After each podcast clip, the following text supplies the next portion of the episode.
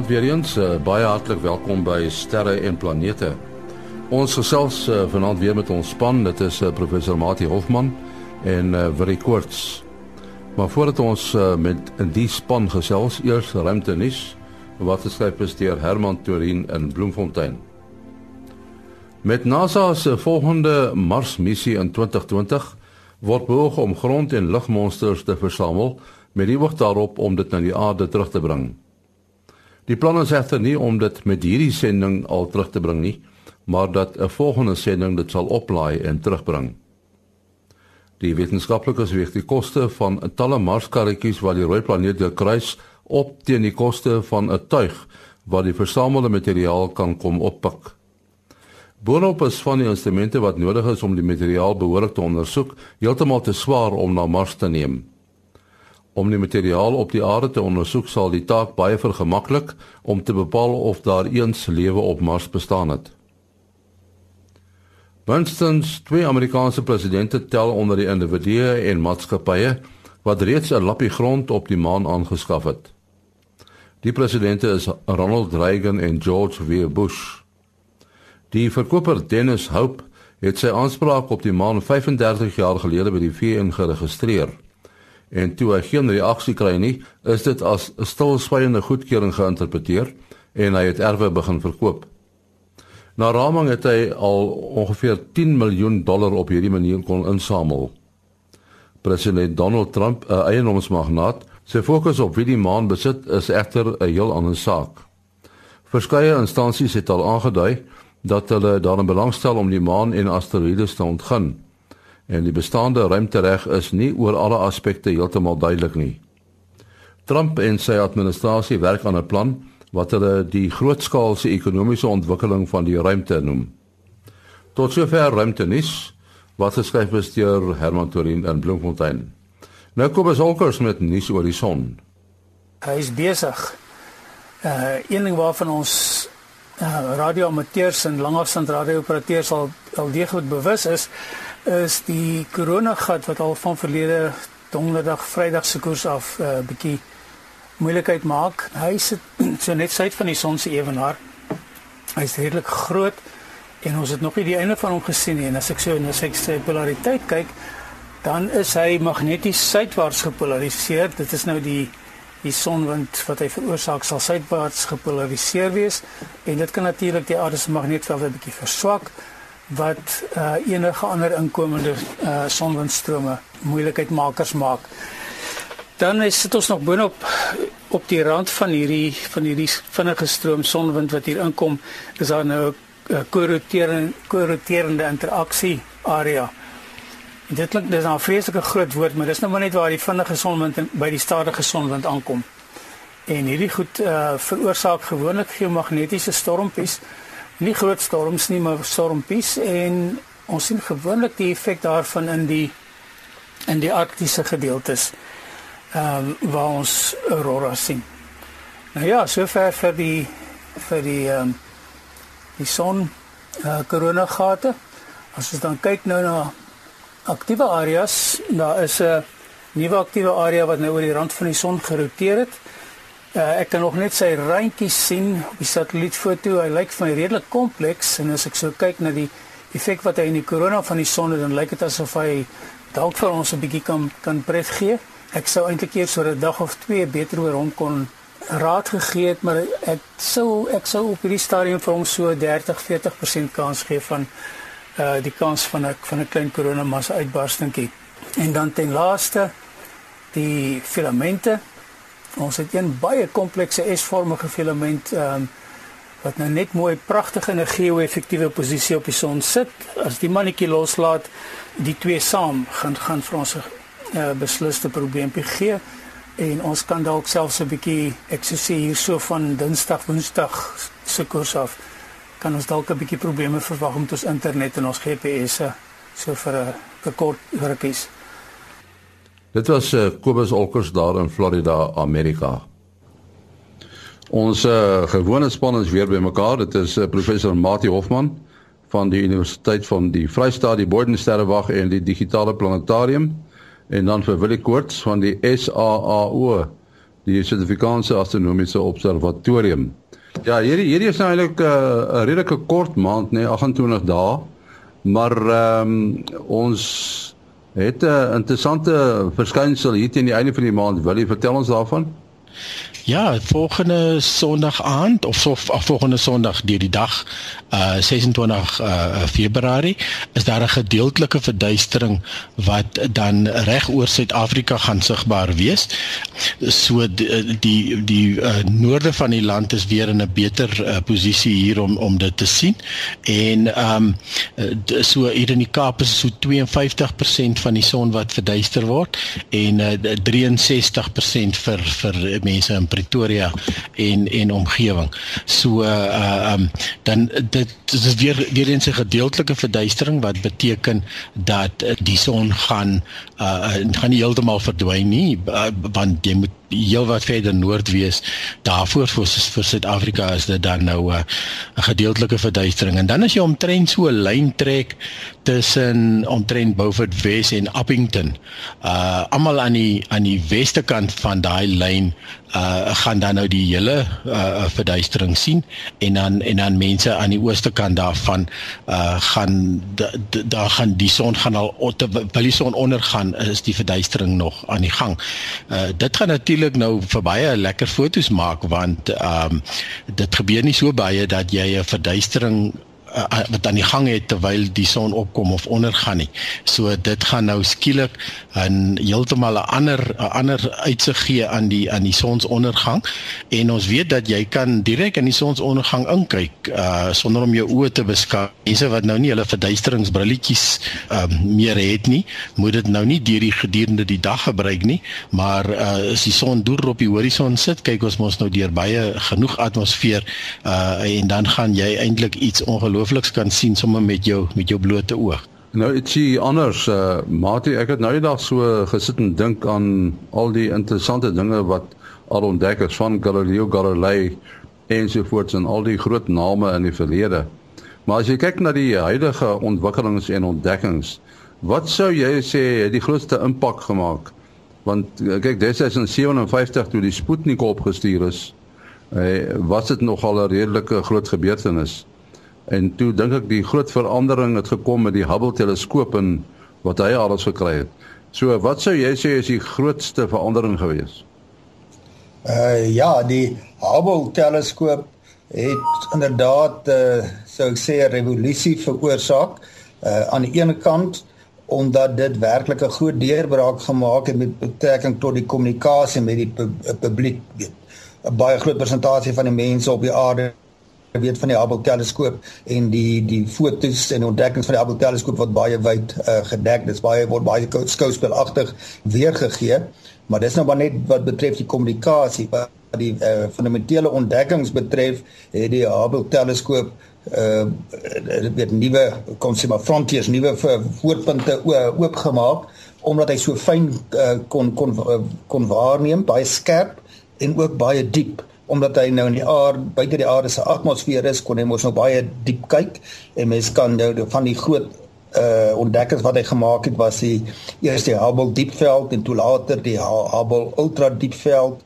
En daar was ook die Hubble diepveld suid wat werklik gewys het uh die groot aantal die uh, hoë digtheid van sterrestelsels uh in die donker ruimte weet iets wat hulle vermoed het, maar dit was werklik gesien en dit kon ook gemeet en bestudeer word.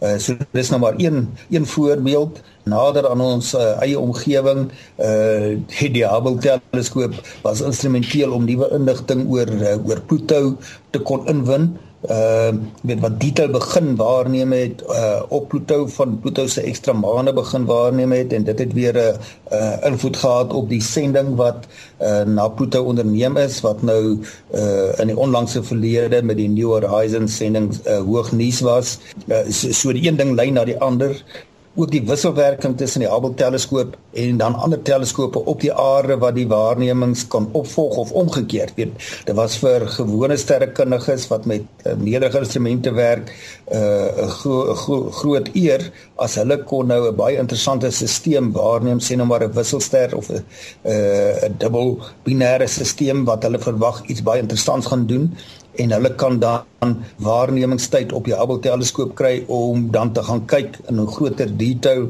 uh wat daar waargeneem word. Uh so die Hubble teleskoop wat nou saaklik in die uh die die naby infrarooi en die opties werk was nou 'n uh, het nou 'n baie groot impak gehad.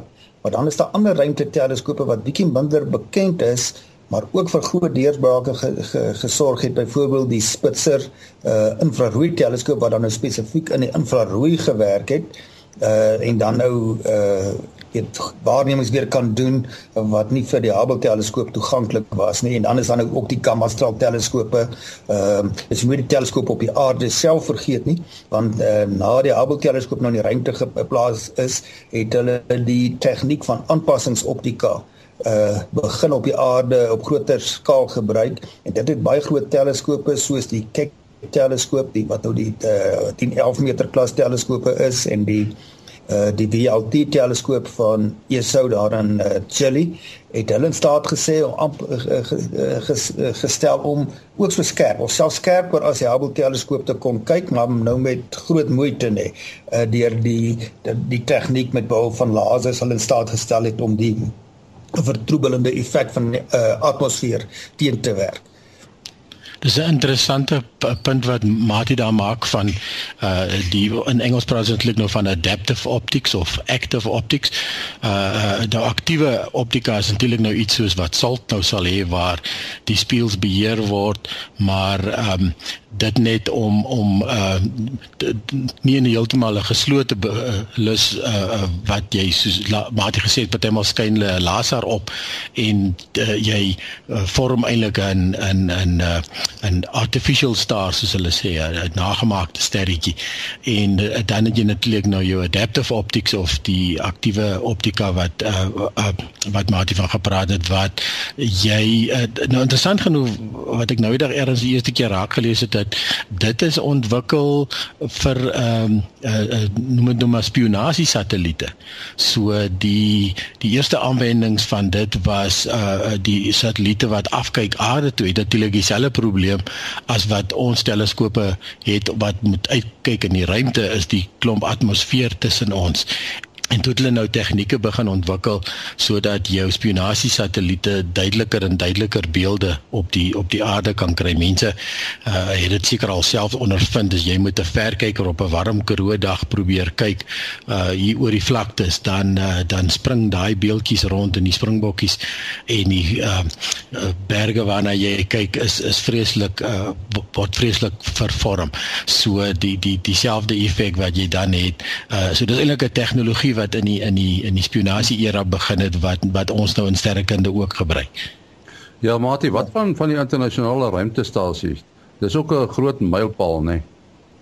Uh ja, die internasionale ruimtestasie uh kyk nie soveel na die die uh, ruimte daar buite nie. Uh daar word nou eksperimente gedoen wat moeilik is om op die aarde te doen omdat hulle in die uh effektief gewiglose uh toestande is. Daar's wel een apparaat op die internasionale ruimtestasie wat kyk of hulle deeltjies kan waarneem uh of straling kan waarneem wat veroorsaak word deur uh hipotetiese donker materie deeltjies wat as hulle nou met mekaar eh, weet sou 'n wisselwerking met mekaar het of met die gewone materie dan behoort hulle energiepieke te kan gee wat uh, karakteristiek aan hulle is. So dis nou een instrument op die internasionale uh, ruimtestasie wat uh, wat nou spesifiek dan nou kyk vir uh, straling van van uh, buite af om belangrike inligting daaroor te maak maar daar's 'n hele aantal ander instrumente uh ag eksperimente ek weet hulle kweek al plante daarso hulle uh, hulle kweek kristalle wat baie moeilik is om net so perfek op die aarde te doen en dit het relevantie vir die ontwikkeling van medisyne wil ek kan seker ook 'n hele aantal voorbeelde noem maar dat daar's baie goed wat anders geskied in daardie omgewing in die uh, ruimtestasie wat vir mense nogal al verbasend is as mense daarvan kennis neem. Kom ons dink nou maar aan iets so alledaags soos soos 'n vlam. Die verbranding uh van totaal anders daar in die uh ruimte plaas omdat daar nie konveksie is nie. Die konveksie vind plaas weens warm uh warm gas wat 'n uh, laer digtheid het dan opstyg relatief tot die tot die kouer gas. So as mens nou na 'n kerfvlammetjie kyk wat opbrand, is dit as gevolg van konveksie. Maar in die ruimte uh kry jy rode kersvlam en die hele verloop van daardie proses is anders as op die aarde. Ehm um, dan kan jy weer gaan kyk na die die, die gedrag van vloeistowwe, weet uh, uh die druppels, jy kan lekker groot druppels kry wat vervormloos uh daar ronddryf. So daar's net ander soort prosesse, fisiese prosesse en chemiese prosesse daar uh, moontlik net omdat daar nie gravitasie is nie. Ja, wat as jy mens nou net vinnig moet kyk en ek weet dit is nou 'n kristalbal vraag. Wat is die grootste struikelblok op die oomblik? Is dit nie ehm uh, dit bly 'n groot struikelblok om weg te kom van die aarde af nê, nee, maar ook om om sekere snelhede te bereik in die ruimte. Ja, dit is definitief 'n beperkende faktor snel is uh, uh die die die traagheid waarmee alle liggame geboei word uh, om om te kan versnel en dan uiteindelik om weer tot stilstand te kom.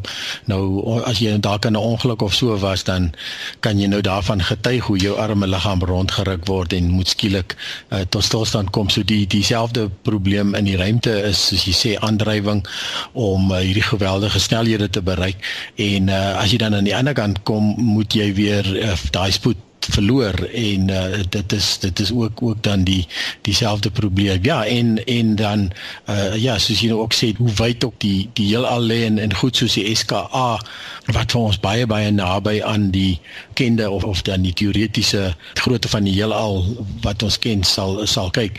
Dit is net soos jy sê 'n kristalbal uh effek. Dit is soos baie van hierdie projekte dat 'n mens kan nou maar uh probeer dink wat gaan jy alles bereik met so 'n projek en as jy eers daar kom dan gaan partymal meer uh, vrae as antwoorde en dan nuwe vraagstukke wat weer uh, opduik en wat dan weer moet moet beantwoord word. Ja, ja, en uh, en uh, dis nou 'n interessante vraag.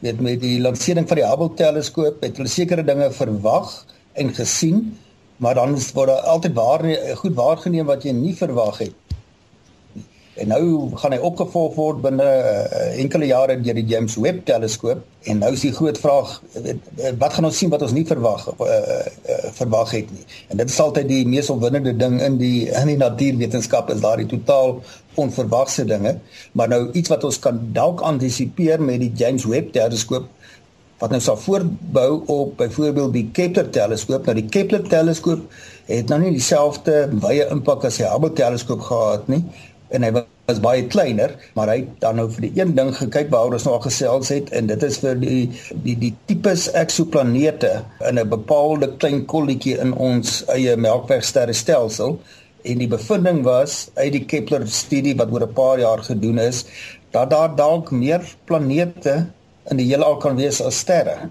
En op die stadium weet ons dat planete vergelykbaar in grootte met die aarde is nie ongewoon nie. Ons weet nog nie presies watter persentasie van plan eksoplanete is van daai aard nie. En ons weet ook dat van daardie planete kan in die sogenaamde bewoonbare sones wees waar daar's baie onbekendes soos wat is hoe lyk die atmosfeer van daardie planete? Hoe warm is hulle? En dis nou waar die James Webb teleskoop wat nog fyner sal kan sien as die Hubble teleskoop. Uh tot die mate wat hulle sal dan hierdie eksoplanete kan individueel begin bestudeer. Uh, so dis nou maar net een van die onderwerpe waarop die James Webb teleskoop uh, totaal nuwe inligting na vore sal kom en dit is binne die volgende 10 jaar, binne die volgende dekade. So in ons leeftyd DV kan ons baie baie meer weet oor of die kans vir ander uh, vir lewe elders in die heelal of ten minste in ons eie uh, sterrestelsel meer waarskynlik of minder waarskynlik lyk. Ons moet afsluit. Wil jy jou besonderhede? Ja, mense kan bel WhatsApp SMS 0724579208.